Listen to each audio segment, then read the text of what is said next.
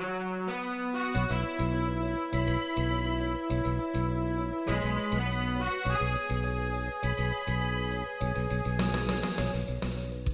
listening to Radio Free Asia.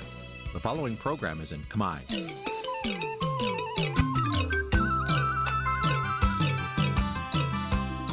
Nǐ chi càm bi tiệp xáy vệt chiu a zì sáy. នេះជាកម្មវិធីផ្សាយរបស់ Vithu Azisari ជាភាសាខ្មែរ វត្តឈូអាស៊ីសេរីសូមស្វាគមន៍លោកអ្នកនាងទាំងអស់ពីរដ្ឋធានី Washington នៃសហរដ្ឋអាមេរិកបាទពីរដ្ឋធានី Washington ខ្ញុំបាទសេកបណ្ឌិតសូមជម្រាបសួរអស់លោកអ្នកកញ្ញាទាំងអស់ជាទីមេត្រី បាទយើងខ្ញុំសូមជូនកម្មវិធីផ្សាយសម្រាប់រាត្រីថ្ងៃពុធ13កើតខែកដិកឆ្នាំឆ្លូវត្រីស័កពុទ្ធសករាជ2565ត្រូវនៅថ្ងៃទី17ខែវិច្ឆិកាគ្រិស្តសករាជ2021 បាទជាដំបូងនេះសូមអញ្ជើញអស់លោកអ្នកនាងស្ដាប់ព័ត៌មានប្រចាំថ្ងៃដែលមានមេតិការដូចតទៅ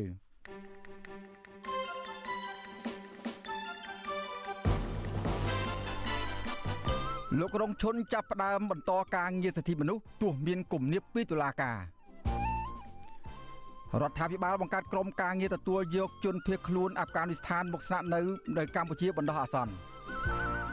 ប្រជាពលរដ្ឋមានចំនួនដីធ្លីនៅពលាយន្តហោះថ្មីព្រួយបារម្ភពីការបាត់បង់ផ្ទះសម្បែងក្រោយបាត់បង់ដីស្រែ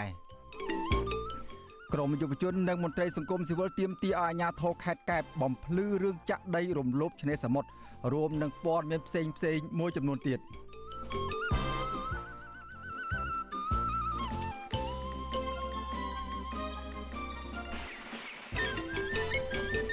បាទជាបន្តទៅទៀតនេះខ្ញុំបាទសេកបណ្ឌិតសូមជូនព័ត៌មានពិស្ដា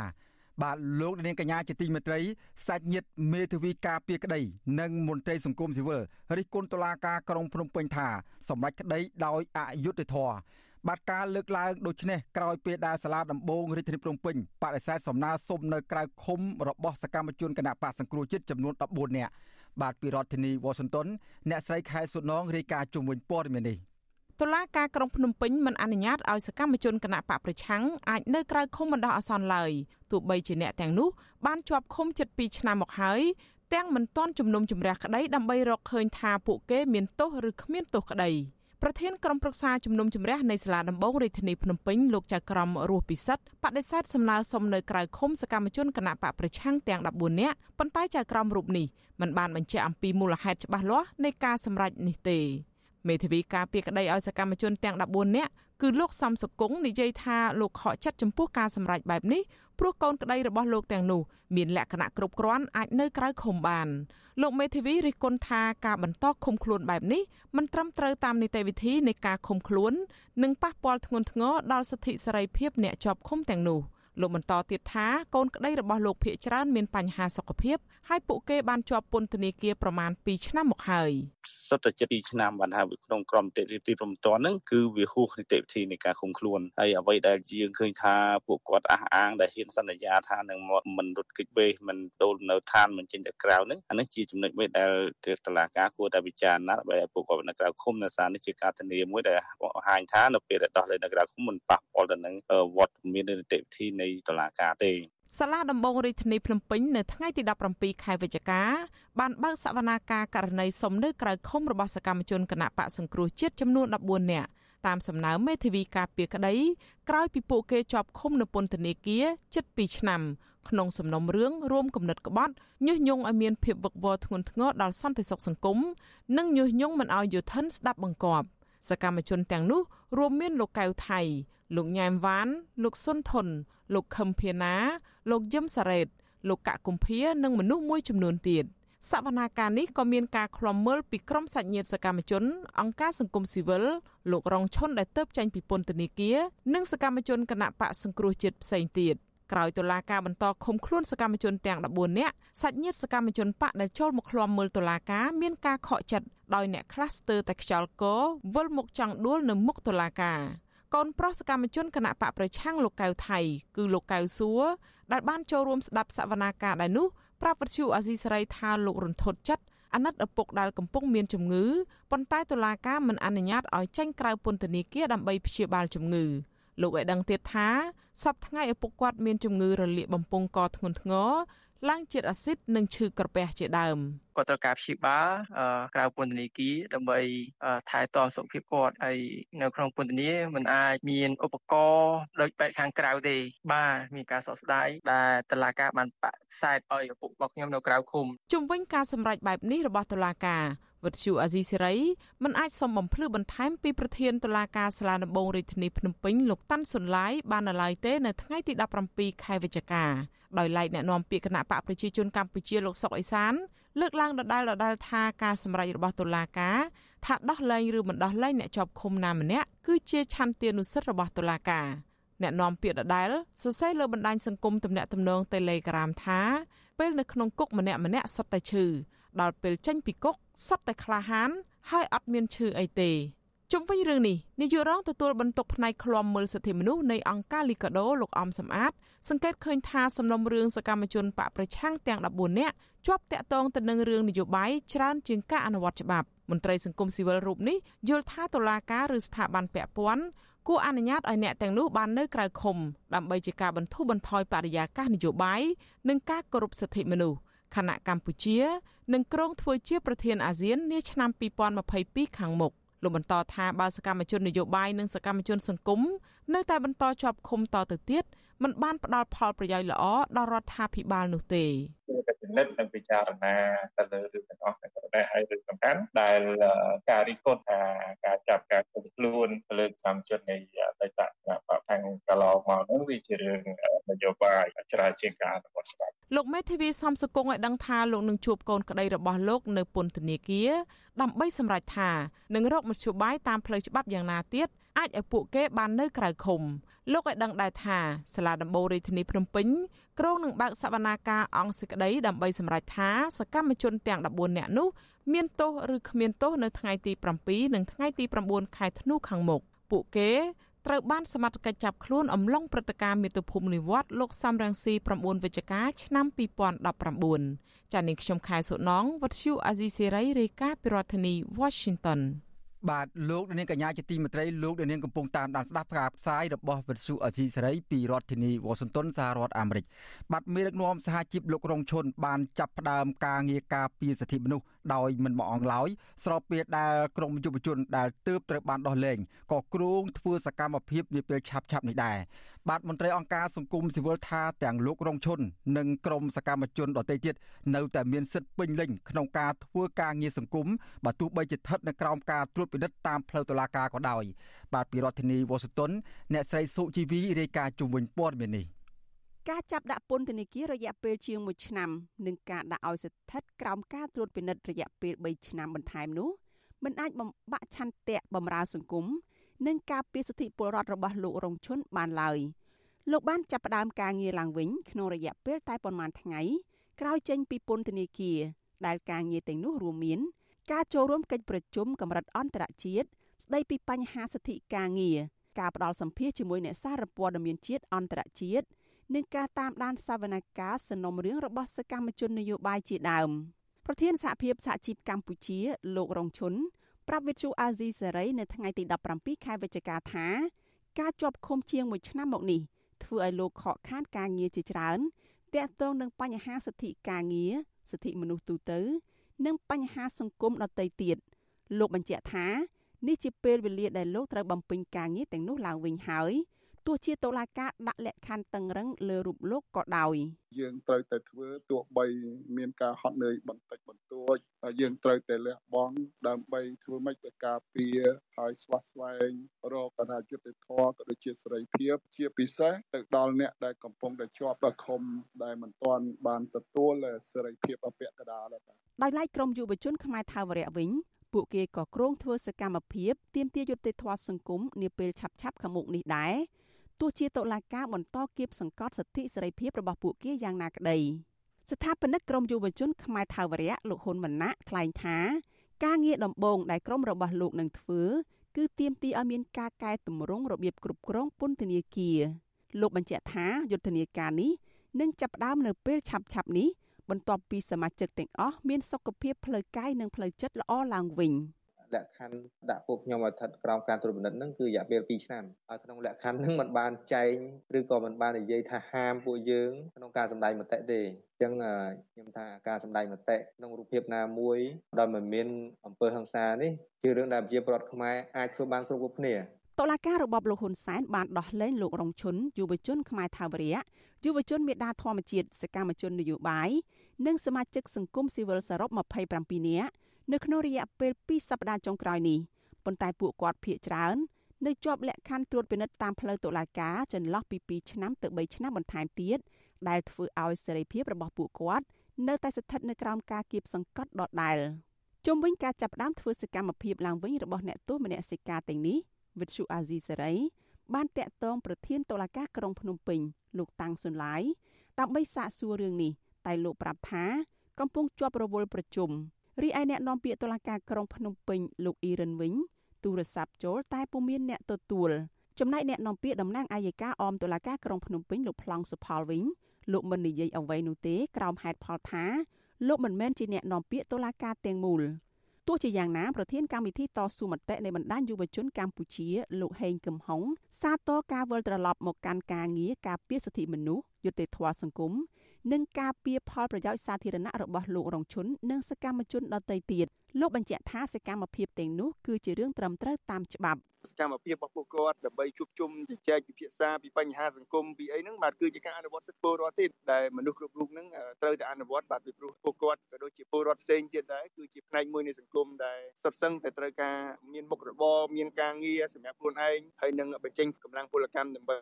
ជួយទៅសង្គមជាតិបាទមកដល់ពេលនេះមានសកម្មជននយោបាយសកម្មជនសង្គមសមាជិកសង្គមស៊ីវិលនិងអ្នករិះគន់រដ្ឋាភិបាលសរុបជាង60នាក់ កំពុងជាប់ឃុំនៅក្នុងពន្ធនាគារនៅឡើយដោយពួកគេភ័យច្រើនរងការចោទប្រកាន់ពីបទញុះញង់និងរួមគំនិតក្បត់ដែលជាបទចោទមានចរិតនយោបាយនេះបើផ្អែកតាមអង្គការឃ្លាំមើលសិទ្ធិមនុស្សអន្តរជាតិ Human Rights Watch ក្រុមអង្គការសង្គមស៊ីវិលជាតិអន្តរជាតិអង្គទូតបរទេសនិងអ្នកជំនាញសិទ្ធិមនុស្សអង្គការសហប្រជាជាតិនៅតែទាមទារឲ្យរបបលោកហ៊ុនសែនទម្លាក់ចោលបទចោទប្រកាន់និងដោះលែងអ្នកទាំងនោះឲ្យមានសេរីភាពវិញ ជាងនេះទៅទៀតពួកគេបន្តអំពាវនាវដល់របបសពថ្ងៃឲ្យបញ្ឈប់ការប្រើប្រាស់តុលាការជាឧបករណ៍បង្ក្រាបលើសិទ្ធិសេរីភាពពលរដ្ឋតទៅទៀតដោយត្រូវជំនួសមកវិញនៅការគោរពលិខិតតុបករជាតិនិងអន្តរជាតិទាំងឡាយស្ដីពីសិទ្ធិមនុស្សដែលខ្លួនបានទទួលស្គាល់នាងខ្ញុំសុជីវី With you Azizi Saray ពីរដ្ឋធានី Washington បាទលោកនាងកញ្ញាជាទីមេត្រីក្នុងចំណោមអ្នកដែលត្រូវគេដោះលែងនាពេលថ្មីថ្មីនេះមានប្រធានគណៈបកនយោបាយមួយរូបដែរបាទនោះគឺលោកសួងសុភ័ណ្ឌដែលជាប្រធានគណៈបកផ្នែកឈ្នះលោកសួងសុភ័ណ្ឌត្រូវគេចាប់ខ្លួនដាក់ពន្ធនាគារបន្ទាប់ពីលោករងឈុនបាទលោកសួងសុភ័ណ្ឌជាអតីតប្រធានចលនាយុវជននៃគណៈបកសំរងស៊ីហើយក៏ជាអ្នកធ្លាប់អឺដាក់ពាក្យប្តឹងលោកហ៊ុនសែនតាក់ទងនឹងព្រឹត្តិការណ៍សម្លាប់មនុស្សនៅកោះពេជ្រ នេះបើតាមច្បាប់គណៈបើតាមច្បាប់គណៈបកនយោបាយអ្នកទោសមិនអាចធ្វើជាប្រធានគណៈបកនយោបាយបានទេក៏ប៉ុន្តែពេលបន្តិចទៀតនេះលោកជុនច័ន្ទបុតនឹងមានសម្ភាសជាមួយលោកសុងសុភ័ណ្ឌតាក់ទងនឹងការជាប់ពន្ធនាគារនិងអំពីជំហររបស់លោកក្នុងសកម្មភាពនយោបាយនិងសង្គមនាពេលខាងមុខទៀតនេះបាទសូមលោករៀងរងចាំស្ដាប់បិចកត់សូមលោកនាងរងចាំស្ដាប់បទសភានេះក៏ប៉ុន្តែមុននឹងទៅដល់បទសភាជាមួយលោកជួនច័ន្ទបុតនេះខ្ញុំបាទសូមជួបលោកសួងសុភ័ណ្ឌបន្តិចសិនបាទបាទជម្រាបសួរលោកសួងសុភ័ណ្ឌពីចម្ងាយបាទបាទជម្រាបសួរបាទជម្រាបសួរ បាទដូចខ្ញុំបានជម្រាបពីខាងដើមអញ្ចឹងនៅពេលបន្តិចទៀតនេះលោកសុនសុភ័ណ្ឌនឹងជួបជាមួយលោកជុនច័ន្ទបុតគឺក្នុងបទសភាមួយពាក់ព័ន្ធនឹងដំណើរការសកម្មភាពរបស់លោកក្រោយពីលោកចេញពីពន្ធនាគារក៏ប៉ុន្តែមុនដល់បទសម្ភាសន៍នោះតើលោកសុនសុភ័ណ្ឌគ្រូនឹងលើកយកបញ្ហាអ្វីសំខាន់ដើម្បីមកជម្រាបជូនលោកអ្នកស្ដាប់ក្នុងរយៈនេះនៅពេលដែលលោកផ្ដល់បទសម្ភាសន៍ជាមួយលោកជុនច័ន្ទបុតនោះបាទសូមអរគុណពីដែលសំខាន់សម្រាប់ខ្ញុំមួយ ពាក់ព័ន្ធទៅស្ថានភាពនៅក្នុងវិទ្យាគារហើយទីពីរគឺខ្ញុំបញ្ជាក់ពីមហោក៏ដូចជាពិសោធន៍ជំនួសដើម្បីលើកចិត្តដល់ជនក៏ដូចជាប្រជាពលរដ្ឋអស់មានការតស៊ូដើម្បីការពារផលប្រយោជន៍ជាតិនិងជាពលរដ្ឋខ្ញុំនឹងបញ្ជាក់ជំហរក្នុងចលនានយោបាយពីព្រោះគោលការណ៍ អ្នកនយោបាយផ្សេងខ្ញុំឲ្យតែស្រឡាញ់ជាតិខ្ញុំយល់ឃើញថាយើងបាក់ផ្សេងគ្នាប៉ុន្តែបេះដូងដូចឧត្តមកតិដូចគ្នាហើយដល់យើងមានឱកាសយើងអាចធ្វើការងារជាមួយបាទជាចំណុចខ្ញុំជាក់តាមមកបាទបាទសូមអរគុណលោកសុងសុភ័ណ្ឌនៅពេលបន្តិចទៀតនៅពេលដែលលោកផ្ដល់បទសម្ភាសជូនដល់លោកចិនចិត្តបុតនោះលោកនាងនឹងបានស្ដាប់បទសម្ភាសជុំវិញបញ្ហានេះបន្ថែមទៀតខ្ញុំបាទសូមជម្រាបលោកជម្រាបលាលោកសុងសុភ័ណ្ឌតែប៉ុណ្្នេះសិនបាទ បាទសូមអរគុណបាទបាទលោកនាងកញ្ញាជាទីមេត្រីពាក់ព័ន្ធនឹងសកម្មជនបដិឋានដែលទើបនឹងរួចចេញពីពន្ធនាគារនៅវិញបាទសមាជិកនៃក្រមយុវជនខ្មែរថាវរៈម្នាក់គឺកញ្ញាអេងម៉ាឡៃហៅសូមេតាបានធ្លាក់ខ្លួនឈឺធ្ងន់ក្រោយពេលដែលចេញពីពន្ធនាគារវិញបាទសុខភាពកញ្ញាទ្រុឌទ្រោមខ្លាំងនាពេលនេះបណ្ដាលមកពីការរស់នៅក្នុងពន្ធនាគារដែលមានសភាពចង្អៀតណែនថប់ ខ្យល់គ្មានការចេញគ្មាននឹងគ្មានខ្យល់ដកដង្ហើមចេញចូលគ្រប់គ្រាន់រងសម្ពាធតាមផ្លូវកាយនិងផ្លូវចិត្តជាដើមបាទលោកលាននឹងបានស្ដាប់សេចក្តីរាយការណ៍ពិស្ដារអំពីរឿងនេះនាពេលបន្តិចទៀតបាទសូមអរគុណ បាទរដ្ឋាភិបាលបានសម្រេចបង្កើតក្រុមការងារទទួលយកជនភៀសខ្លួនអាហ្វហ្គានីស្ថានមកស្នាក់នៅបណ្ដោះអាសន្ននៅកម្ពុជា បាទសេចក្តីសម្រេចរបស់រដ្ឋាភិបាលចុះថ្ងៃទី15វិច្ឆិកាបានឲ្យដឹងថាក្រុមការងារចំពោះកិច្ចនេះមានរដ្ឋលេខាធិការក្រសួងមហាផ្ទៃលោកសុកផល ជាប្រធាន និងអគ្គនាយកដ្ឋានអន្តរប្រវេសន៍លោកគិតចន្ទរិទ្ធជាអនុប្រធានអចិន្ត្រៃយ៍ព្រមទាំងអនុប្រធាន2រូបនិងសមាជិក9រូបផ្សេងទៀត បាទចំពោះទូនាទីនិងភារកិច្ចរបស់ក្រមការងារនេះមានដូចជាអនុញ្ញាតផ្ដល់ទីតាំងស្នាក់នៅបណ្ដោះអាសន្នមុននឹងទៅតាំងទីលំនៅនៅប្រទេសទី3របស់ជនភៀសខ្លួនទាំងនោះការពារសន្តិសុខនិងសុវត្ថិភាព ការសម្របសម្រួលការដឹកជញ្ជូននិងការអនុវត្តវិធានការសុខាភិបាលដើម្បីទប់ស្កាត់ជំងឺ Covid-19 ជាដើមបាទពាក់ព័ន្ធនឹងបញ្ហានេះនាយករងទទួលបន្ទុកកម្មវិធីឃ្លាំមើលនៃអង្គការលីកាដូលោកអំសំអាតមានប្រសាសន៍ថាការបង្កើតក្រុមការងារទទួលយកជនភៀសខ្លួនអាហ្វហ្គានីស្ថាននេះគឺជាការ ចំណេញមួយយ៉ាងសម្រាប់កម្ពុជាក្នុងការបង្ហាញពីកាយវិការមនុស្សធម៌ក៏ប៉ុន្តែលោកថានេះក៏ជាបន្ទុកដ៏ធ្ងន់មួយដែរដែលរដ្ឋាភិបាលចាំបាច់ត្រូវតែគិតគូរជាពិសេសកម្ពុជាត្រូវត្រៀមរៀបចំឲ្យបានល្អក្នុងការទទួលយកជនភៀសខ្លួនទាំងនោះខ្ញុំឃើញថានេះជាបន្ទុកដ៏ធំមួយទៀតសម្រាប់រាជរដ្ឋាភិបាលឃើញទេជំងឺរីករាលដាលនៃ COVID-19 ប្រជាពលរដ្ឋក៏ជួបនឹងបញ្ហា សេដ្ឋកិច្ចគ្រួសារនឹងច្រើនដែរកំឡុងពេលបិទគប់ទៅតែរាជរដ្ឋាភិបាលសម្រាប់បើកប្រទេសឡើងវិញនេះណាក្រៅពីហ្នឹងកម្ពុជាហ្នឹងក៏មានរងគ្រោះសរសើរទឹកជំនន់បាទជនភៀសខ្លួនអាកាមនិស្ថានរាប់សែននាក់បានភៀសខ្លួនទៅរស់នៅប្រទេសជាច្រើនជុំវិញនោះដើម្បីសវត្ថិភាពរបស់ពួកគេក្រោយពេលដែលក្រុមតាលីបង់បានចូលគ្រប់គ្រងប្រទេសអាហ្វហ្គានីស្ថាន បន្ទាប់ពីអាមេរិកបានដកកងទ័ពចេញពីប្រទេសនេះកាលពីខែសីហាកន្លងទៅ សារព័ត៌មានក្នុងស្រុករាយការណ៍ថាគិតត្រឹមថ្ងៃទី16ខែវិច្ឆិកាម្សិលមិញជនភៀសខ្លួនអាកាមស្ថានចំនួន15នាក់បានធ្វើដំណើរមកដល់កម្ពុជាហើយហើយមួយចំនួនទៀតនឹងមកដល់ជាបន្តបន្ទាប់ពួកគេទាំងនោះគឺជាបុគ្គលិករបស់អង្គការមូលនិធិអាស៊ីរបស់អាមេរិកនិងក្រុមគ្រួសារអាស៊ីសេរីបាទលោកនាងកញ្ញាជាទីមេត្រីពាក់ព័ន្ធនឹងបញ្ហាជំងឺ Covid-19 វិញម្ដង រដ្ឋាភិបាលបានដកបំរាមនិងវិធានការបង្ការជំងឺ Covid-19 ស្ទើរតែទាំងស្រុងក្រោយសម្រេចបើកប្រទេសឡើងវិញបាទក្នុងនោះមានការបន្ធូរបន្ថយបន្ថែមទៀតលើលក្ខខណ្ឌធ្វើចតាលិស័កសម្រាប់អ្នកមកពីក្រៅប្រទេស បាទនៅក្នុងពេលជាមួយគ្នានេះដែរអ្នកស្រាវជ្រាវវិទ្យាសាស្ត្រនៅលើពិភពលោកក៏បានរកឃើញពីវិធីទប់ស្កាត់ការស្លាប់ដោយសារជំងឺ Covid-19 នេះដែលពួកគេអះអាងថាអាចមានប្រសិទ្ធភាពខ្ពស់បាទលោករានីនឹងបានស្ដាប់សេចក្តីរាយការណ៍ផ្ទាល់របស់លោកមួងរ៉េតអ្នកយកព័ត៌មានវិទ្យុអសីសេរីក្នុងការផ្សាយរបស់យើងនាពេលបន្តិចទៀតនេះបាទសូមអរគុណអសីសេរី បាទមន្ត្រីអង្គការសិទ្ធិមន្ត្រីអង្គការសង្គមស៊ីវិលនិងក្រមយុវជនទាមទារឲ្យអាជ្ញាធរខេត្តកែបស្រាយបំភ្លឺករណីបណ្ដេតបណ្ដោយឲ្យមានសកម្មភាពចាក់ដីរំលោភយកឆ្នេរសមុទ្របំពេញច្បាប់ បាទពួកគេសង្កេតឃើញថាឆ្នេរអង្កោលទំហំជិត2ហិកតាត្រូវបានជន់ល្មើសលួចចាក់ដីរំលោភយកធ្វើជាកម្មសិទ្ធិទ្រព្យសម្បត្តិរបស់បុគ្គលជាច្រើនខែមកហើយពុំមានអាជ្ញាធរនៅទប់ស្កាត់នៅឡើយទេបាទពីរដ្ឋធានី Washington លោកទីនសាការីយ៉ារាយការណ៍ជុំវិញព័ត៌មាននេះ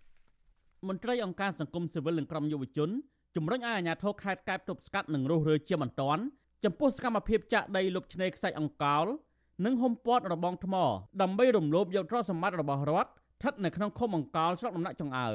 ពួកគេទម្លាក់កំហុសបញ្ហានេះថាជាការធ្វេសប្រហែសរបស់អាជ្ញាធរខេត្តកែបប្រធានផ្នែកកម្មវិធីស្រាវជ្រាវនឹងតស៊ូមតិនៃសមាគមបណ្ដាញយុវជនកម្ពុជា CYN លោកហេងកំហុងស្នើឲ្យអាជ្ញាធរខេត្តកែបបកស្រាយរឿងនេះឲ្យបានច្បាស់លាស់ ព្រោះការរំលោភយកដីឆ្នេរសមុទ្រដែលជាទ្រព្យសាធារណៈរបស់រដ្ឋគឺជាទង្វើល្មើសច្បាប់លោកបញ្យល់ថាឆ្នេរសមុទ្រជាកម្មសិទ្ធិរបស់ពលរដ្ឋដែលការពារដោយច្បាប់គឺគ្មានបុគ្គលណាម្នាក់មានសិទ្ធិទៅរំលោភបំពានជាដាច់ខាតលោកសង្កត់ធ្ងន់ថាអាជ្ញាធរមានសមត្ថកិច្ចត្រូវរុះរើសំណង់ខុសច្បាប់ទាំងនេះនឹងត្រូវខាត់ខ្លួនអ្នកពាក់ព័ន្ធមកទទួលខុសត្រូវចំពោះមុខច្បាប់ អញ្ញាធរគួរតែមានការធ្វើបកស្ការបកស្រាយបាទពីព្រោះអីការលុបសមុទ្រដែលជាកម្មសិទ្ធិរួមបាទបើខណៈយើងនិយាយអំពីកម្មសិទ្ធិសាធារណៈរបស់រដ្ឋមានន័យថាជាកម្មសិទ្ធិរួមរបស់ប្រជាពលរដ្ឋដែលអាចប្រើប្រាស់អាស្រ័យផលឬក៏ដំណើរកំសាន្តនៃលេងរួមគ្នាបានដោយពុំមែនកាន់កាប់ដោយបុគ្គលណាម្នាក់ដូច្នេះហើយក៏ត្រូវតែបញ្ឈប់ពួកគាត់ជាបន្ទាន់ហើយធ្វើការខត់ខ្លួនអ្នកពាក់ព័ន្ធដើម្បីសាកសួរចម្លើយអនុវត្តតាមនីតិវិធីច្បាប់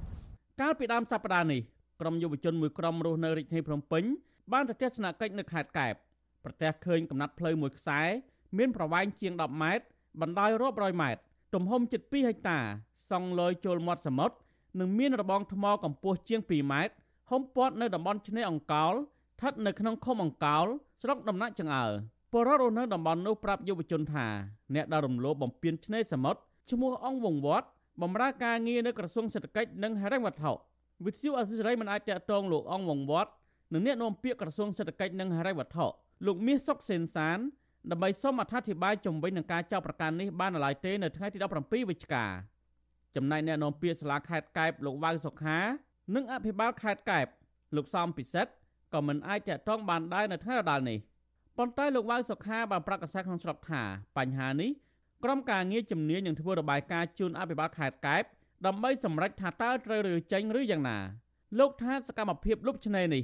ធ្វើឲ្យរាំងស្ទះគម្រោងសាងសង់ផ្លូវប្រមាត់សមុទ្ររបស់ធនាគារអភិវឌ្ឍអាស៊ី ADB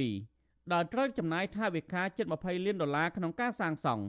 ទោះជាយ៉ាងណាមន្ត្រីសម្រាប់សម្រួលសមាគមអាត60ខេត្តកែបនិងខេត្តកំពតលោកយុនផុលលីចាត់ទុកទង្វើនេះថាជាការកាន់កាប់ដីរដ្ឋដែលខុសច្បាប់ដែលអាជ្ញាធរនិងតុលាការគួរតែស៊ើបអង្កេតលើរឿងនេះជាបន្ទាន់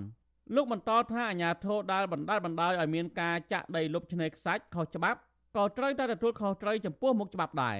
លោកបន្ថែមថាការមិនដាក់ទោសទណ្ឌចំពោះអ្នកដែលពាក់ព័ន្ធរំលោភយកទ្រព្យសម្បត្តិរបស់រដ្ឋគឺជាគំរូអាក្រក់មួយធ្វើឲ្យជនល្មើសមិនខ្លាចច្បាប់ហើយសកម្មភាពនេះនឹងកើតឡើងដដែលដដែល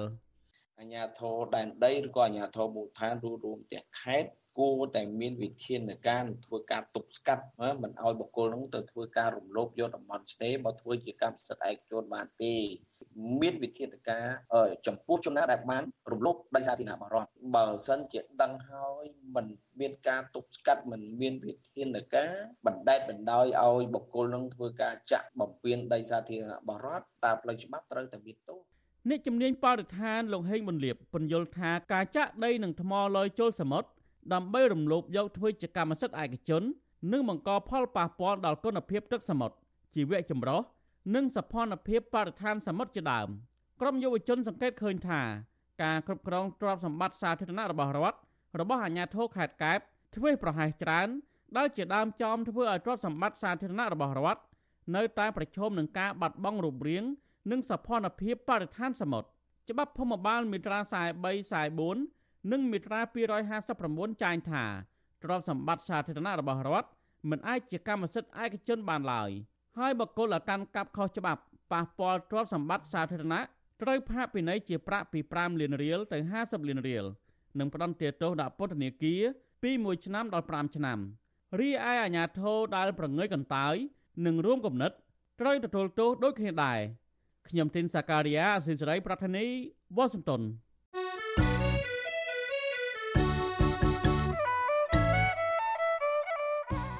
បាទលោកនាងកញ្ញាជាទីមេត្រីលោកនាងកំពុងតាមដានស្ដាប់ការផ្សាយរបស់វិទ្យុអសីសេរីពីរដ្ឋធានី Washington សហរដ្ឋអាមេរិកបាទក្រៅពីលោកនាងស្ដាប់ការផ្សាយរបស់វិទ្យុអសីសេរីតាមបណ្ដាញសង្គម Facebook និង YouTube នោះលោកនាងក៏អាចស្ដាប់ការផ្សាយរបស់យើងនៅក្នុងពេលដំណើរគ្នានេះដែរតាមរយៈរលកធាតុអាកាសខ្លីឬ Shortwave ដែលមានកម្រិតនិងកម្ពស់ដូចតទៅនេះ បាទពេលព្រឹកចាប់ពីម៉ោង5កន្លះដល់ម៉ោង6កន្លះតាមរយៈរលកធាតុអាកាសខ្លី13715 kHz ស្មើនឹងកម្ពស់ 22m ប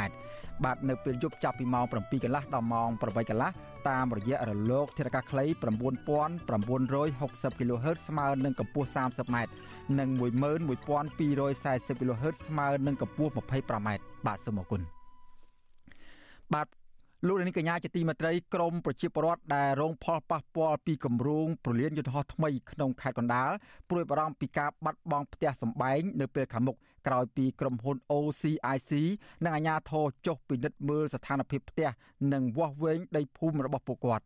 បាទអង្គការសង្គមស៊ីវិលដែលតាមដានវិវាទដីធ្លីដ៏ចម្រូងចម្រាសមួយនេះចាត់ទុកសកម្មភាពនេះថាជាទង្វើផ្ទុយពីច្បាប់ ព្រោះអាជ្ញាធរនិងក្រុមហ៊ុនមិនបានបើកវិធានការពន្យល់ប្រាប់ពីប្រជាពលរដ្ឋឲ្យយល់ដឹងច្បាស់លាស់ជាមុនសិនអំពីគោលបំណងនៃការវាស់វែងនោះទេ បាទពីរដ្ឋធានី Washington លោកលេងម៉ាលីរាយការណ៍ជំនួយព័ត៌មាននេះអ្នកភូមិកំពង់តឡុង66គ្រួសារបង្ហាញទុកកង្វល់មួយកម្រិតថែមទៀតអំពីផ្ទះសម្បែងនិងដីលំនៅឋានក្នុងឃុំបឹងខ្យាង ខណៈដែលពួកគាត់នៅមិនទាន់ទទួលបានសំណងសមរម្យនៅឡើយពាក់ព័ន្ធនឹងដីស្រែដែលបាត់បង់ក្នុងតំបន់សាងសង់វាលយន្តហោះថ្មីរបស់ក្រុមហ៊ុន OCIC ពលរដ្ឋដែលមានដីនិងផ្ទះស្ថិតក្នុងគម្រោងរបស់ក្រុមហ៊ុនលោកស្រីខឹមម៉ាលីប្រាប់វិទ្យុអស៊ីសេរីនៅថ្ងៃទី17វិច្ឆិកាថា អាញាធរស្រុកកណ្ដាលស្ទឹងចេញលិខិតជូនដំណឹងប្រាប់ពលរដ្ឋមួយថ្ងៃឲ្យចូលរួមជាមួយក្រុមការងារអន្តរក្រសួងដើម្បីវាស់វែងដីនិងវិយតម្លៃអំពីប្រភេទសំណង់ផ្ទះសម្បែងប៉ុន្តែអាញាធរមិនបានបើកវេទិកាពន្យល់ប្រាប់ពលរដ្ឋអំពីរឿងនេះឲ្យដឹងច្បាស់នោះទេ អ្នកស្រីឲ្យដឹងថាអ្នកចុះវាស់វែងដីនិងពិនិត្យមើលផ្ទះរបស់លោកស្រី គឺជាក្រុមការងាររបស់ក្រុមហ៊ុន OCIC ដែលមានមេការម្នាក់ឈ្មោះលោកជូកុកសាយជាអ្នកដឹកនាំដោយមិនមានមន្ត្រីពីក្រសួងដែនដីឬមន្ទីរសុរិយោដីចូលរួមដោយការអះអាងរបស់អាជ្ញាធរទេឬមន្ទីរសុរិយោដីដោយការអះអាងរបស់អាជ្ញាធរទេ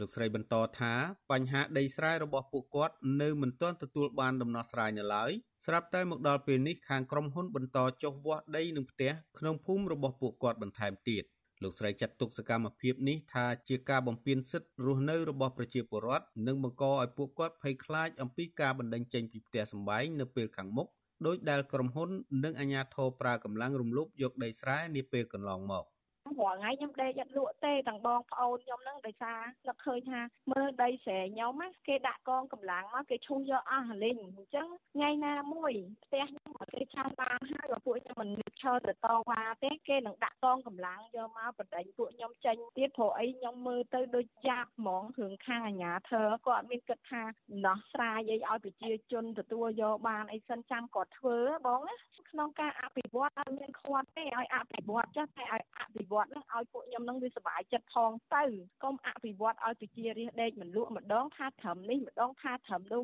ស្រាតែមាត់គាត់និយាយអញ្ចឹងបងវាអត់មានការពិតអីឲ្យជាក់ស្ដែងមួយអញ្ចឹងវិទ្យុអស៊ីសេរីមិនអាចសុំការឆ្លើយតបរឿងនេះពីតំណាងក្រុមហ៊ុន OCIC លោកជូកុកសាយបានទេនៅថ្ងៃទី17វិច្ឆិកាដោយសារទូរស័ព្ទហៅចូលតែពុំមានអ្នកទទួល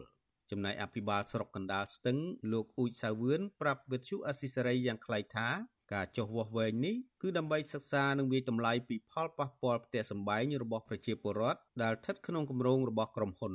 ជុំវិញរឿងនេះអ្នកសម្របសម្រួលគម្រោងធុរកិច្ចនិងសិទ្ធិមនុស្សនៃមជ្ឈមណ្ឌលសិទ្ធិមនុស្សកម្ពុជា លោកវ៉ាន់សុផាត មានប្រសាសន៍ថាសកម្មភាពរបស់ក្រុមហ៊ុននេះគឺធ្វើខុសច្បាប់ដែលតម្រូវឲ្យមានការបើកវេទិកាសាធារណៈប្រឹក្សាយោបល់និងយល់ព្រមពីសហគមន៍ដែលរងផលប៉ះពាល់ពីគម្រោងនេះជាមុនសិន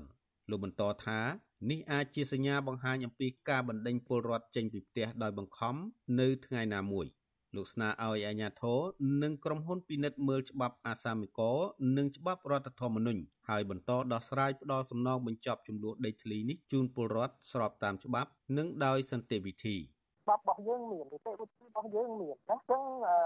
ការប្រើប្រាស់ហិង្សាឬក៏កម្លាំងប្រដាប់អាវុធនិងប្រព័ន្ធតឡាការដើម្បីថក់យកដីជាប្រវត្តិពីនៅឋានរបស់ជាប្រវត្តិហ្នឹងឃើញថាវាការមានលុបទៅលុបដល់ធនធ្ងរអញ្ចឹងហើយ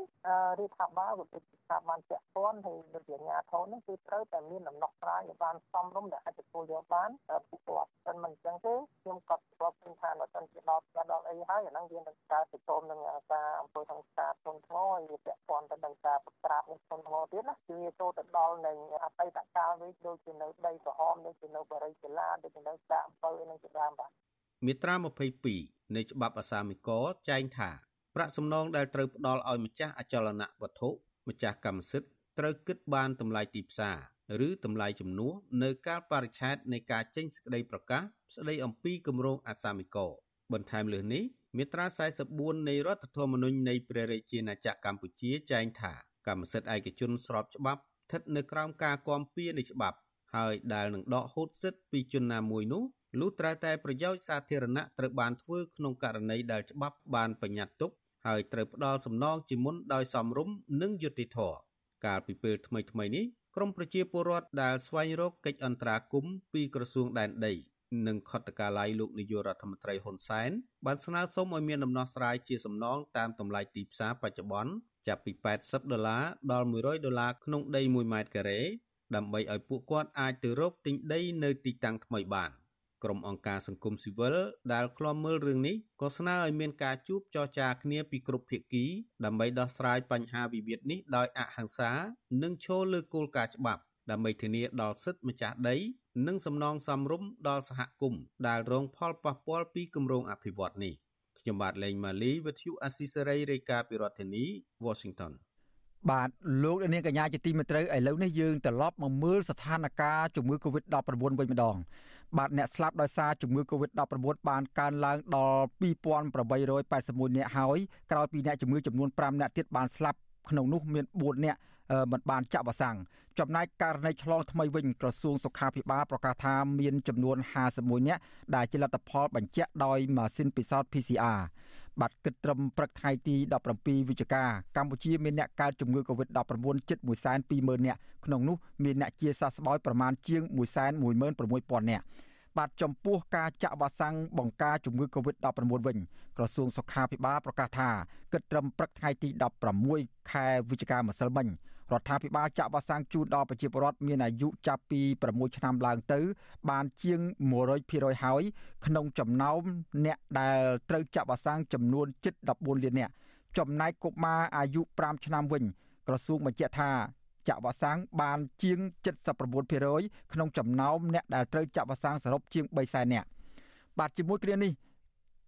វ៉ាក់សាំងការពារជំងឺ Covid-19 ចំនួន2លានដូសបន្ថែមទៀតដែលជាជំនួយរដ្ឋាភិបាលចិនបានដឹកមកដល់ពលិយន្តហោះអន្តរជាតិភ្នំពេញហើយនៅព្រឹកថ្ងៃទី17ខែវិច្ឆិកាគិតត្រឹមថ្ងៃទី17ខែវិច្ឆិកាកម្ពុជាបាននាំចូលវ៉ាក់សាំងបង្ការជំងឺ Covid-19 បានជាង39លានដូសហើយនៅក្នុងនោះវ៉ាក់សាំងជាង28លានដូស ត្រូវបានរដ្ឋាភិបាលបញ្ជាទិញពីចិនដោយចំណាយអស់ប្រាក់ចំនួន285លានដុល្លារអាមេរិកនិងវ៉ាក់សាំងមួយចំនួនទៀតជាជំនួយមនុស្សធម៌ពីប្រទេសជាមិត្តរបស់កម្ពុជា បាទលោកនាងកញ្ញាជាទីមេត្រីពាក់ព័ន្ធនឹងជំងឺ Covid-19 នេះដែររដ្ឋាភិបាលបានដកបំរាមនិងវិធានការបង្ការជំងឺ Covid-19 ស្ទើរតែទាំងស្រុងក្រោយសម្រេចបើកប្រទេសឡើងវិញបាទក្នុងនោះក៏មានការបន្ធូរបន្ថយបន្ថែមទៀតលើលក្ខខណ្ឌធ្វើចតាឡេស័កសម្រាប់អ្នកមកពីក្រៅប្រទេស បាទនៅក្នុងពេលជាមួយគ្នានេះដែរអ្នកស្រាវជ្រាវវិទ្យាសាស្ត្រនៅលើពិភពលោកក៏បានរកឃើញពីវិធីទប់ស្កាត់ការស្លាប់ដោយសារជំងឺ Covid-19 ដែលពួកគេអះអាងថាអាចមានប្រសិទ្ធភាព បាទឥឡូវនេះយើងបានអញ្ជើញលោកមួងណារ៉េតអ្នកយកព័ត៌មានវិទ្យុអសីស្រីរាយការណ៍អំពីស្ថានភាពនេះផ្ទាល់តែម្ដងបាទជម្រាបសួរលោកណារ៉េតបាទ បាទសូមជម្រាបសួរលោកសេចបណ្ឌិតហើយសូមជម្រាបសួរលោកនាងទាំងអស់ដែលកំពុងតាមដានស្ដាប់និងទស្សនាវិទ្យុអស៊ីសេរីជាទីមេត្រីបាទបាទលោកដារ៉េតដូចបានស្ដាប់សេចក្តីរាយការណ៍មុននេះបន្តិចហើយឃើញថាចំនួនឆ្លងនៃជំងឺ Covid-19 បានថយចុះជាបន្តបន្ទាប់ក៏ប៉ុន្តែខ្ញុំចង់ដឹងថាការថយចុះនេះថយចុះពិតប្រាកដឬមួយក៏ថយចុះតែតួលេខលើกระดาษទេបាទ អរគុណច្រើនលោកសេបណ្ឌិតកាប់ពិតយើងដឹងថាការថយចុះនេះគឺចាប់ផ្ដើមមានតាំងតែពីដើមខែតុលាមកម្លេះនៅពេលដែលរដ្ឋាភិបាលចាប់ផ្ដើមជប់ធ្វើតេស្តរហ័សដូច្នេះតួលេខដែលថយចុះនេះគឺជាតួលេខដែលក្រសួងសុខាភិបាលប្រាប់ឲ្យយើងដឹងចំណាយឯការដែលប្រជាពលរដ្ឋឈឺនៅទីតាំងផ្សេងទៀតដែលធ្វើ rapid test គឺយើងមិនដឹងទេតែយ៉ាងណាក៏ឃើញថាតួលេខនេះឥឡូវចុះនៅក្រោម100រៀងរាល់ថ្ងៃហើយ ដែលថ្ងៃនេះយើងឃើញតែជាង50ករណីប៉ុណ្ណោះហើយអ្នកស្លាប់ហ្នឹងក៏ចុះក្រោម10អ្នកដែរថ្ងៃនេះយើងឃើញត្រឹមតែ5អ្នកអីតែប៉ុណ្្នឹងឯងដូច្នេះតួលេខនេះគឺវាចុះទៅតាមអ្វីដែលក្រសួងចង់ឲ្យយើងដឹងបាទលោកដារ៉េតពាក់ព័ន្ធនឹងការចាក់វ៉ាក់សាំងវិញមកដល់ពេលនេះតើលោកមានរបាយការណ៍ច្បាស់លាស់ហើយនៅ ថាចាក់បានប្រមាណភាគរយហើយអឺមុននឹងកម្ពុជាសម្រាប់បើកប្រទេសឡើងវិញនោះបាទ ការចាក់វ៉ាក់សាំងនេះគឺយើងឃើញថាកម្ពុជាបើយើងប្រៀបធៀបនៅក្នុងប្រទេសនៅក្នុងតំបន់យើងស្ទើរតែវ៉ាដាច់គេទាំងអស់ហើយតំបន់នេះសំដៅទៅលើតំបន់អាស៊ានរបស់យើងហ្នឹងតួលេខដែលយើងចាក់បានក្នុងចំណោមប្រជាពលរដ្ឋយើង17លានអ្នកនេះគឺយើងចាក់បាន13លាន2សែនអ្នកទៅហើយអឺប៉ុន្តែតួលេខនេះបើរដ្ឋាភិបាលវិញគាត់យកតួលេខដែលចាក់បាន13.2លានសែនហ្នឹង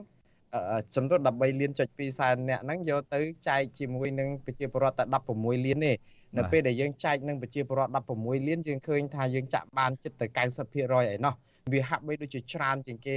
បងអស់ក៏ប៉ុន្តែរដ្ឋាភិបាលមិនបានបញ្ចូលតួលេខនៃពលករចំណាក់ស្រុកដែលទៅប្រទេសក្រៅនោះដែលនៅក្នុងជំរឿនយើងដឹងហើយធ្វើឃើញតែ5 10លានអ្នកជាងក៏ប៉ុន្តែពលករចំណាក់ស្រុកជិត2លានឯណោះបើបូកចូលគ្នាជិតតែ17លានអញ្ចឹងបើយកតួលេខនៃ13លាន2សែនអ្នកយកមកចែកនឹងតួលេខ17លានអ្នកតែម្ដង គឺយើងក្រោម80%ទេបើចាតួលេខនេះវានៅតិចជាងប្រទេសសង្ហបុរីទេព្រោះសង្ហបុរីគេចាក់បានដល់ទៅ83%តែយើងវ៉ាដាច់ទាំងអស់នៅក្នុងប្រទេសនៅក្នុងតំបន់អាស៊ីដែលប្រទេសខ្លះគ្នាចាក់បានតល់20%ផងទេបាទបាទតែយ៉ាងណារដ្ឋាភិបាលមានសេចក្តីក្លាហានក្នុងការបើកប្រទេសឡើងវិញបាទតកតូននឹងបញ្ហាវ៉ាក់សាំងនេះដែរ យើងឃើញថានៅក្នុងប្រទេសកម្ពុជាភាគច្រើនណាស់ដែលពលរដ្ឋបានទទួលចាក់វ៉ាក់សាំងទោះបីមានចំនួនច្រើនយ៉ាងណាក៏ដោយក៏ប៉ុន្តែវ៉ាក់សាំងនោះភាគច្រើនគឺជាវ៉ាក់សាំងដែលផ្ដល់ជូនឬក៏ទិញពីប្រទេសចិនក៏ប៉ុន្តែភ្ញៀវបរទេសឬមកភ្ញៀវទេសចរដែលចូលមកប្រទេសកម្ពុជាភាគច្រើនគាត់ច្រើនចាក់វ៉ាក់សាំងដែលនៅអាមេរិកឬមួយក៏អង់គ្លេសជាដើម តើអាវ៉ាក់សាំងទាំងពីរនេះហើយមួយក៏ប្រសិទ្ធភាពនៃការការពារនៃការឆ្លងរីករាលដាលវាយ៉ាងម៉េចដែរលោកនរ៉េតអាចបញ្យល់បានទេបាទបាទសំណួរនេះសំខាន់ណាស់លោកសេបណ្ឌិតដោយសារតែយើងដឹងហើយថាប្រជាពលរដ្ឋខ្មែរយើងមានភ័ព្វវាសនាបានវ៉ាក់សាំងច្រើនជាងគេក៏ប៉ុន្តែវ៉ាក់សាំងស្ទើរតែទាំងអស់ហើយដែលយើងបានជិត40លានដូសរួមទាំងវ៉ាក់សាំងដែលបាននៅក្នុងរយៈពេលនៅថ្ងៃនេះបានថែម2លានដូសទៀតហ្នឹងគឺជាវ៉ាក់សាំងដែល បានមកពីប្រទេសចិនទេហើយដូច្នេះប្រជាពលរដ្ឋយើងចាក់វ៉ាក់សាំងចិននៅពេលដែលយើងបើកប្រទេសទាំងស្រុងទៅទទួលប្រជាពលរដ្ឋមកពីក្រៅប្រទេសអ្នកខ្លះចាក់វ៉ាក់សាំងអង់គ្លេសវ៉ាក់សាំងអាមេរិកនិងវ៉ាក់សាំងផ្សេងផ្សេងទៀតដែលមានប្រសិទ្ធភាពជាងនោះអានេះយើងមិនទាន់មាន តួលេខណាមួយដែលបញ្ជាក់ថាតើប្រសិទ្ធភាពនឹងយ៉ាងណាទេគ្រាន់តែថាវ៉ាក់សាំងដែលក្រៅពីវ៉ាក់សាំងចិននោះគឺមានប្រសិទ្ធភាពខ្លាំងជាងយើងហើយដូច្នេះប្រជាពលរដ្ឋម្ចាស់ស្រុកខ្លួនឯងនឹងតតែប្រយ័ត្នប្រយែងថែទាំសុខភាពឲ្យមែនតែនមួយទៀតចំណុចដែលយើងចាប់អារម្មណ៍នឹងវ៉ាក់សាំងនឹងដែរលោកសេបណ្ឌិតគឺត្រង់ថា ពេលដែលយើងចាក់វ៉ាក់សាំងបានច្រើន គឺជាគោលការណ៍បើសិនជាយើងចាក់បាន75%នៅក្នុងចំណោមប្រជាពលរដ្ឋទាំងមូលហ្នឹងគឺអាចនឹងបង្កើតភាពស៊ាំនៅក្នុងសហគមន៍មួយដែលអាចទទួលយកបានដើម្បីបើកប្រទេសឡើងវិញទៅហើយអញ្ចឹងហើយបានកម្ពុជាយកឱកាសនេះដែលខ្លួនចាក់បានលើសពី75%ហ្នឹងបានបើកប្រទេសចំហមកទំហឹងតែម្ដងអឺនេះគឺជាលក្ខខណ្ឌដែលកម្ពុជាធ្វើប៉ុន្តែលក្ខខណ្ឌនេះមិនត្រឹមត្រូវទៅប្រទេសទាំងអស់នៅលើពិភពលោកទេព្រោះអាមេរិកអីគេចាក់បានមិនដល់60%ផងគេបើកប្រទេសឡើងវិញហើយអាចមកពីប្រសិទ្ធភាពវ៉ាក់សាំងគេពូកែជាងហ្នឹងទៅមិនចាំបាច់ចាក់ដល់ទៅ75%ក៏គេអាចបើកប្រទេសឡើងវិញបានប៉ុន្តែដល់ពេលដែលប្រទេសដែលវ៉ាក់សាំងមិនសូវមានប្រសិទ្ធភាពអាចទាល់តែចាក់ឲ្យច្រើនរហូតដល់75ទៅ80%ទើបអាចបើកប្រទេសបាននោះលោកសិមរិទ្ធបាទចុះងាកទៅមើលបញ្ហាដែលរដ្ឋាភិបាលសម្រេចដកបំរាមជាបន្តបន្ទាប់ច្រើនមែនទែនដកបំរាមអាបំរាមខ្លះហ្នឹងដែលជាក្តីព្រួយបារម្ភរបស់ប្រជាពលរដ្ឋក៏ដកដែលគឺបើកសេរីភាពដូចជារង្គសាលឬមួយក៏រូបភាពយន្តជាដើមចុះបញ្ហានេះតើវាផ្ដល់វិបត្តិឬមួយក៏បច្ច័យអាក្រក់ណាមួយទន្ទឹមនឹងរដ្ឋាភិបាលប្រកាសបើកប្រទេសឡើងវិញនេះបាទបាទបំរាមដក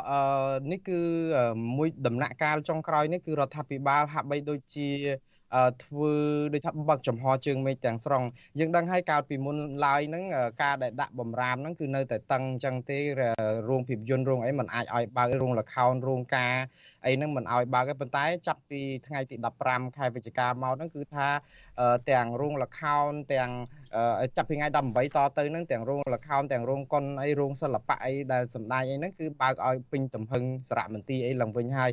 Beer Garden រាំងកសាលអីដូចលោកសេបដិតមានប្រសាសន៍ហ្នឹងក៏គេឲ្យបើកឡើងវិញរោងការរោងអីហ្នឹងក៏លើកមុនថាំង200នាក់បានហើយដើម្បីនឹងកំណត់ថាឲ្យចូលទៅ ទទួលទានទៅហូបការអីនោះប៉ុន្តែឥឡូវហ្នឹងគឺថាមកទំហឹងហ្មងមានចំនួនប្រមាណក៏ចូលបានដែរហើយការជួបជុំអីផ្សេងទៀតហ្នឹងក៏អនុញ្ញាតឲ្យជួបជុំគ្នាច្រើនសន្ធឹកនេះអាចជាការមួយដែលរដ្ឋាភិបាលនឹកឃើញដូចថាការ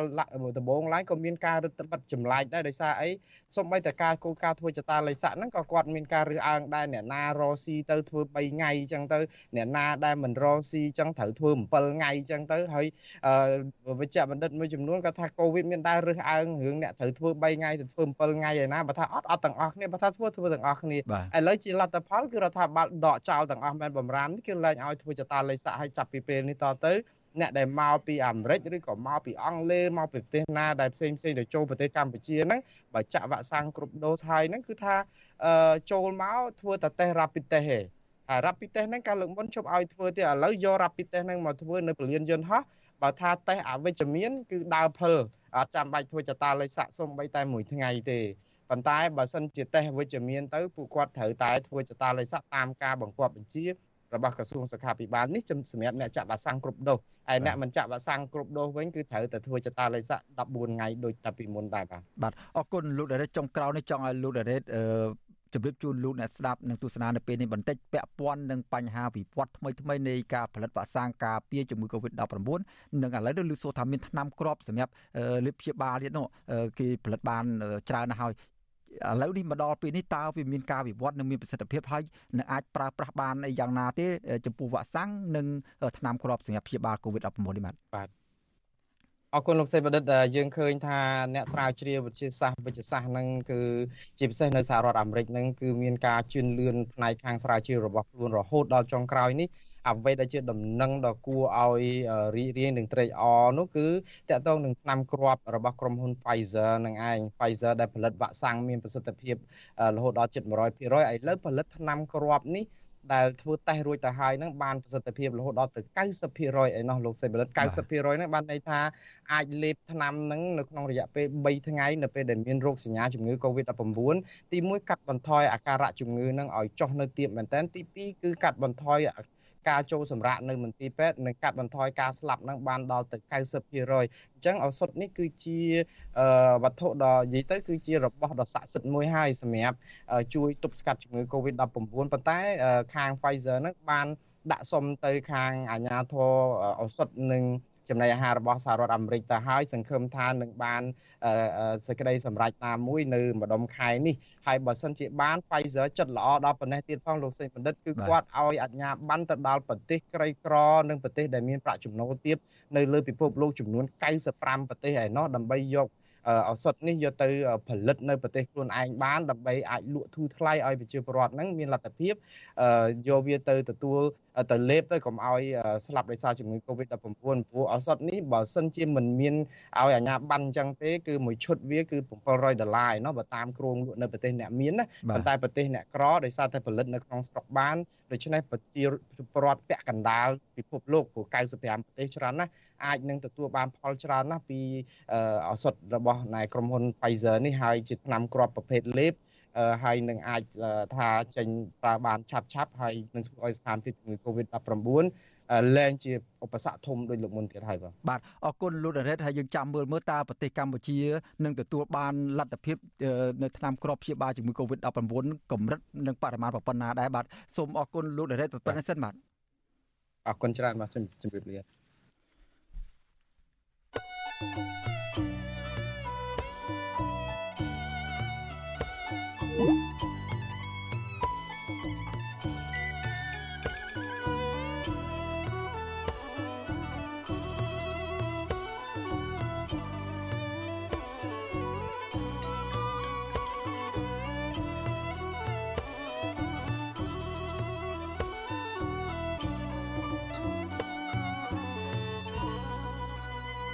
លោកនាងកញ្ញាជាទីមេត្រីលោកនាងកំពុងតាមដានស្ដាប់ការផ្សាយរបស់វិទ្យុអស៊ីសេរីពីរដ្ឋធានីវ៉ាស៊ីនតោនសហរដ្ឋអាមេរិកបាទឥឡូវនេះយើងក៏លេចមកមើលស្ថានភាពរបស់ក្រមយុវជនដែលទៅបនឹងរួចចេញពីពន្ធនាគារវិញម្ដង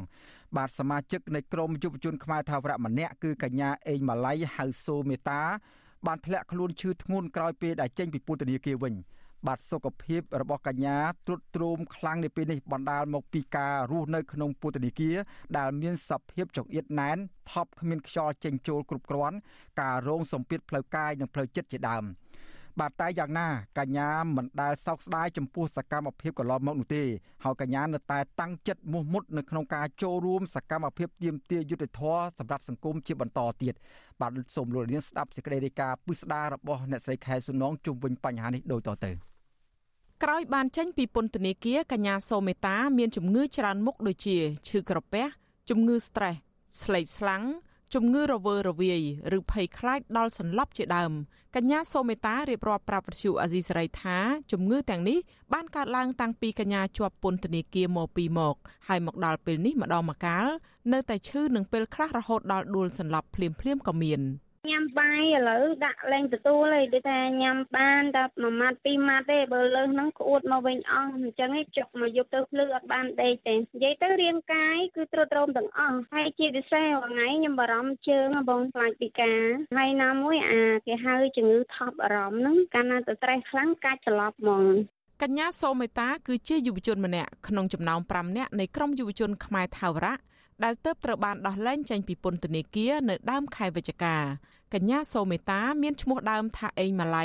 កើតនៅឆ្នាំ1989គឺជាកូនទី3នៃគ្រួសារកសិករមួយនៅស្រុកចំការលើខេត្តកំពង់ចាមកញ្ញាមានបងប្អូនបង្កើតចំនួន7នាក់នាងបានចាប់កំណើតនៅក្នុងគ្រួសារក្រីក្រមិនមានឱកាសរៀនសូត្របានច្រើននោះទេនៅអាយុជាង10ឆ្នាំកញ្ញាសូមេតាត្រូវបង្ខំចិត្តឈប់រៀនត្រឹមថ្នាក់ទី5ដើម្បីរកលុយនិងលៃពេលមើលថែប្អូន គឺបន្ទាប់ពីម្ដាយកញ្ញាបានស្លាប់នៅពេលនោះ។ ចាប់តាំងពីពេលនោះមកកញ្ញាសូមេតាត្រូវចេញទៅធ្វើការងារពីមួយថ្ងៃទៅមួយថ្ងៃដើម្បីជួយសម្រាលបន្ទុកឪពុកនិងត្រូវរកលុយផ្គត់ផ្គង់ឲ្យប្អូនប្អូនបានរៀនបន្តចុងក្រោយកញ្ញាបានធ្វើជាជំនួយការចុងភៅនៅក្នុងភោជនីយដ្ឋានមួយកន្លែង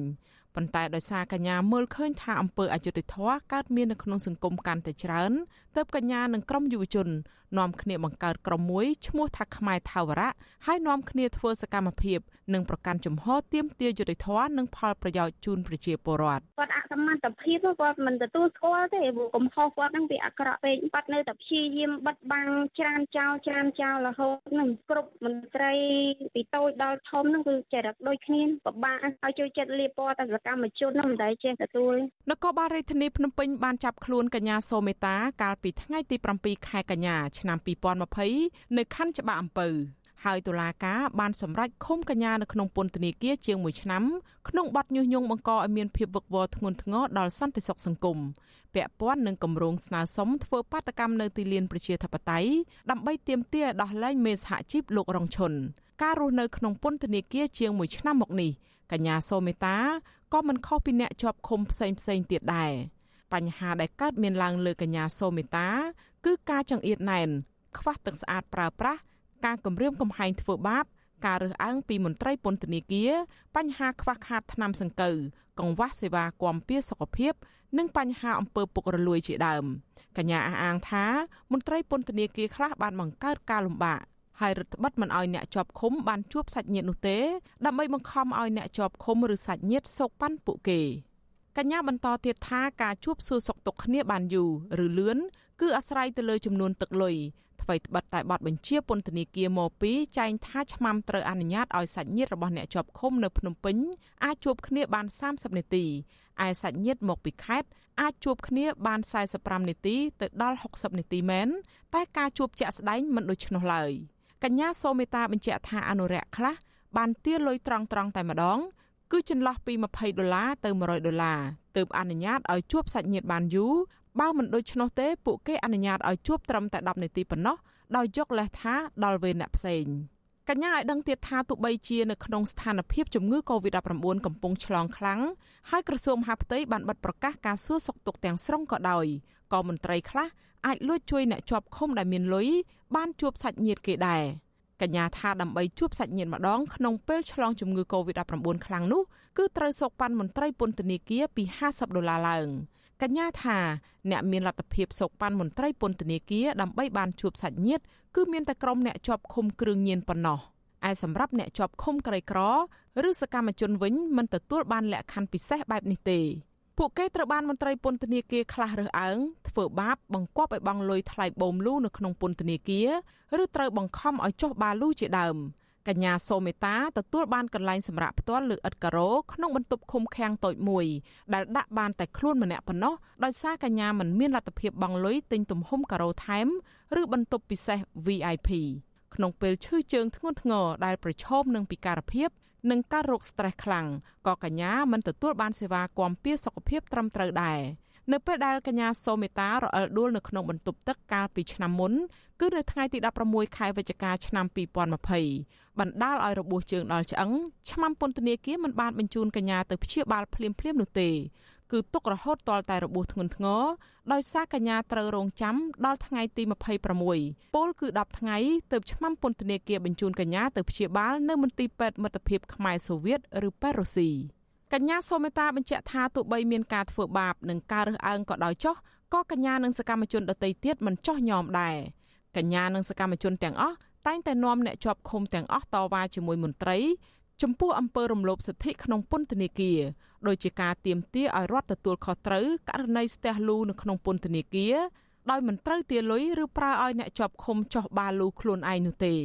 ពាក់ព័ន្ធនឹងស្ថានភាព និងការត្រួតត្រោមសុខភាពនេះវិទ្យុអាស៊ីសេរីមិនអាចសុំការបញ្ជាក់ពីអ្នកនាំពាក្យអគ្គនាយកដ្ឋានពន្ធនាគារលោកនុតសវណ្ណាបានទេនៅថ្ងៃទី17ខែវិច្ឆិកា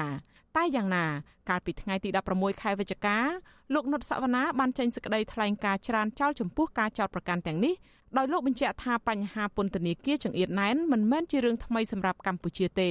ហើយបណ្ដាប្រទេសជាច្រើនលើពិភពលោកក៏មានបញ្ហាដូចគ្នានេះដែរ ឯបញ្ហាខ្វះទឹកស្អាតប្រើប្រាស់បណ្ដាលមកពីកំណើនអ្នកជាប់ឃុំច្រើនពេកលោកបញ្ជាក់ថាពន្ធនាគារជាកន្លែងឃុំឃាំងមនុស្សជាកន្លែងអប់រំកែប្រែអ្នកទោសឲ្យคล้ายទៅជាពលរដ្ឋល្អតែមិនមែនជាកន្លែងរស់នៅសុខស្រួលមានអាហារឆ្ងាញ់ឆ្ងាញ់និងមានសេវាសុខាភិបាលដូចក្នុងសហគមន៍ទេ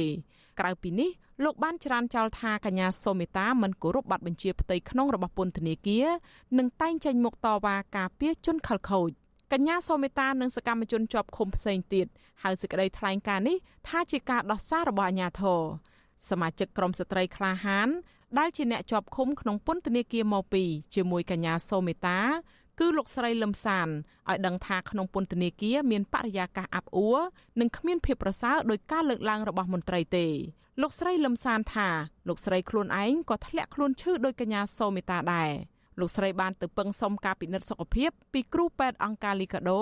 ក្រោយត្រូវបានដោះលែងហើយរកឃើញថាលោកស្រីឆ្លងជំងឺថ្លើមប្រភេទ B និងរលាកសន្លាក់ទោះយ៉ាងណាសមាជិកក្រុមស្ត្រីក្លាហានរូបនេះក៏តាំងចិត្តថានឹងមិនរុញរាក្នុងការចូលរួមសកម្មភាពសង្គមដដែល បើនិយាយពីក្នុងពន្ធនាគារពិបាកបើអ្នកមានលុយដូចជាអ្នកឃាតករឬមួយជំនាក់ជួនដូរឆ្នាំមានច្រើនច្រើនគេមានលុយជួលកន្លែងគេងមានលុយទិញអីហូបចំណែកតែអ្នកមានលុយអត់ទេពិបាកអាគេងនឹងដូចជាងដោតតែឆ្អើអញ្ចឹងសង្គមស៊ីវិលយល់ថាអាញាធរគួរតែធ្វើការកែលម្អដើម្បីបញ្ជៀសការរិះគន់ព្រោះការមិនព្រមកែលម្អនិងការបន្តបដិសេធនេះគឺជាការប៉ះពាល់ដល់កិត្តិយសរបស់អគ្គនាយកដ្ឋានពន្ធនាគារទៅវិញទេអ្នកនាំពាក្យសមាគមអាត់ហុក លោកសឹងសានករណាមានប្រសាសន៍ថាទោះបីជាពន្ធនាគារមិនមែនជាកន្លែងរស់ស្រួលនិងហូបឆ្ងាញ់ក៏ពិតមែនតែពន្ធនាគារមិនមែនជាកន្លែងសម្រាប់ធ្វើឲ្យអ្នកជាប់ឃុំមានសុខភាពល្អប្រែទៅជាឈឺឬគ្មានអាហារត្រឹមត្រូវនោះឡើយ។អ្នកឃ្លាំមើលសិទ្ធិមនុស្សរូបនេះ យល់ឃើញថាស្ថាប័នថ្នាក់ជាតិគួរតែធ្វើអធិការកិច្ចពីលើអគ្គនាយកដ្ឋានពន្ធនាគារបន្ថែមទៀតដើម្បីឲ្យមានការកែលម្អស្ថានភាពក្នុងពន្ធនាគារគួរតែឲ្យស្ថាប័នដាក់លើរបស់ខ្លួនទៀតឬក៏ស្ថាប័នណាមួយដែលមានឯករាជ្យភាពធ្វើការស៊ើបអង្កេតលើបញ្ហាទាំងអស់នឹងឡើងវិញហើយធ្វើរបាយការណ៍ទៅប្រមុខរដ្ឋាភិបាលដើម្បីឲ្យមានភាពច្បាស់លាស់ហើយបើសិនជារកឃើញនៅបញ្ហានឹងកើតឡើងក៏បីធ្វើការកែប្រែទៅអង្គការជាតិអន្តរជាតិនិងអ្នករាយការណ៍ពិសេសរបស់អង្គការសហប្រជាជាតិទទួលបន្ទុកផ្នែកសិទ្ធិមនុស្សនៅកម្ពុជា លោកវិទិតមុនតបនបានបង្ហាញការព្រួយបារម្ភអំពីស្ថានភាពចង្អៀតណែននៅក្នុងពន្ធនាគារកម្ពុជាតំណាងអង្គការក្រៅរដ្ឋាភិបាលទាំងនេះតែងតែចេញផ្សាយរបាយការណ៍និងទាមទារឲ្យកម្ពុជាកែលម្អស្ថានភាពការរំលោភសិទ្ធិអ្នកជាប់ឃុំដែលរស់នៅក្នុងស្ថានភាពចង្អៀតខ្វះអនាម័យគ្មានទឹកស្អាតប្រើប្រាស់ការប៉ះពាល់ដល់សុខភាពផ្លូវកាយនិងផ្លូវចិត្តរបស់អ្នកជាប់ឃុំ។ជាងនេះទៅទៀត អតីតអ្នកជាប់ឃុំអះអាងថាពន្ធនាគារមិនបានคล้ายជាកន្លែងអប់រំកែប្រែអ្នកជាប់ឃុំឲ្យប្រព្រឹត្តអំពើល្អដោយការអះអាងរបស់មន្ត្រីទេផ្ទុយទៅវិញពន្ធនាគារគឺជាកន្លែងប្រព្រឹត្តល្បែងស៊ីសង កន្លែងប្រព្រឹត្តអំពើពុករលួយនិងជាទីតាំងចែករំលែកបទពិសោធន៍ពីការលួចឆក់ប្លន់និងដូរគ្រឿងញៀនទៅវិញចា៎នេះខ្ញុំខែសុណងវັດឈូអាស៊ីសេរីរាយការណ៍ពីរដ្ឋធានី Washington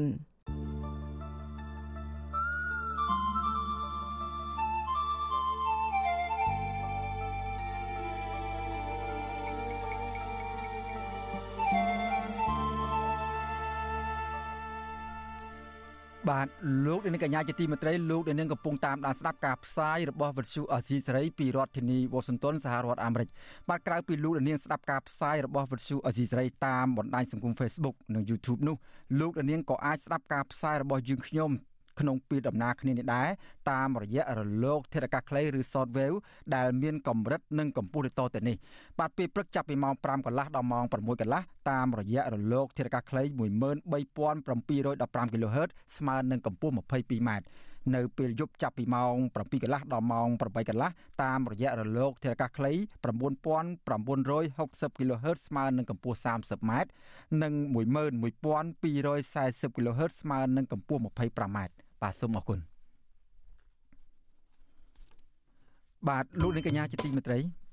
បាទពាក់ព័ន្ធនឹងស្ថានភាពជំងឺ Covid-19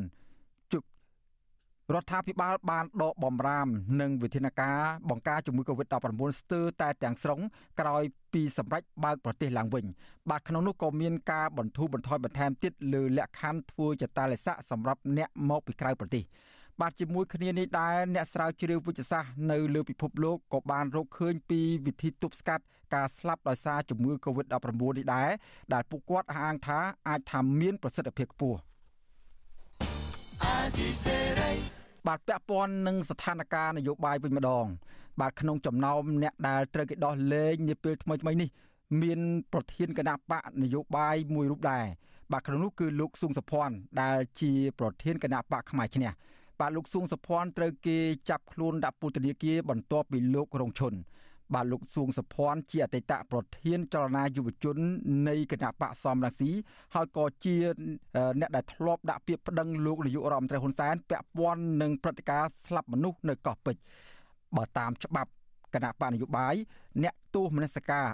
អ្នកទោសមិនអាចធ្វើជាប្រធានគណៈបកនយោបាយបានទេ បាទនៅពេលបន្តិចទៀតនេះលោកដានាងនឹងបានស្ដាប់បទសម្ភាសរបស់លោកជុនច័ន្ទបុតដែលលោកសម្ភាសជាមួយនឹងលោកស៊ុងសុភ័ណ្ឌអំពីស្ថានភាពនៅក្រៅពេលដែលលោកស៊ុងសុភ័ណ្ឌចេញបានមានសេរីភាពចេញពន្ធនាគារហើយថាតើចង់ដឹងថាតើលោកស៊ុនសុភ័ណ្ឌនឹងមានទស្សនវិស័យនឹងមានបេសកកម្មយ៉ាងណាទៀតដើម្បីបន្តជីវិតនយោបាយរបស់ពួកគាត់នៅពេលខាងមុខទៀតនោះបាទសូមអញ្ជើញលោកនាងរងចាំស្ដាប់បទសម្ភាសន៍នេះកុំបីខាននៅពេលបន្តិចទៀតនេះបាទ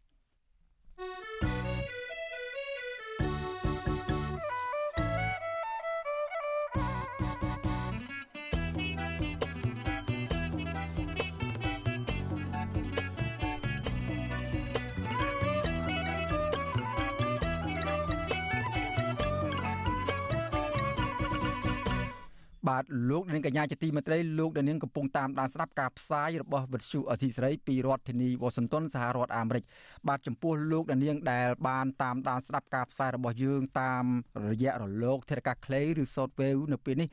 លោកនាងមិនលឺយើងខ្ញុំទៀតទេក៏ប៉ុន្តែលោកនាងដែលកំពុងតាមដានស្ដាប់និងទស្សនាការផ្សាយរបស់យើងតាមរយៈប្រព័ន្ធអ៊ីនធឺណិតតាមរយៈ YouTube និង Facebook នោះលោកនាងនៅបន្តតាមដានទស្សនានិងស្ដាប់ការផ្សាយរបស់យើងរយៈពេលកន្លលះម៉ោងបន្តទៀតនេះបាទហើយពេលបន្តទៀតនេះយើងនឹងមានបទសម្ភាសន៍មួយជាមួយនឹងប្រធានគណៈបកផ្នែកឈ្នះគឺលោកស៊ូសុភ័ណ្ឌដែលមានលោកជួនច័ន្ទបុតជាអ្នកសម្របសម្រួលឬក្នុងបទសម្ភាសន៍នៅពេលបន្តិចទៀតនេះបាទសូមលោកនាងរងចាំស្ដាប់និងទស្សនាការផ្សាយរបស់យើងជាបន្តទៀតបាទសូមអញ្ជើញបាទសូម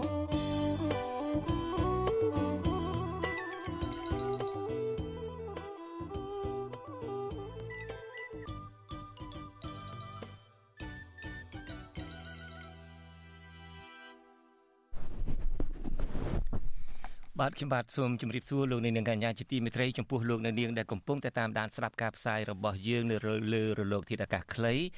ដោយលោកសិចបណ្ឌិតបានជម្រាបជូនមកហើយថាលោកនាងនឹងមិនបានឮការផ្សាយរបស់យើងតទៅទៀតទេក៏ប៉ុន្តែចំពោះលោកនាងដែលកំពុងតែតាមដានស្ដាប់ការផ្សាយរបស់យើង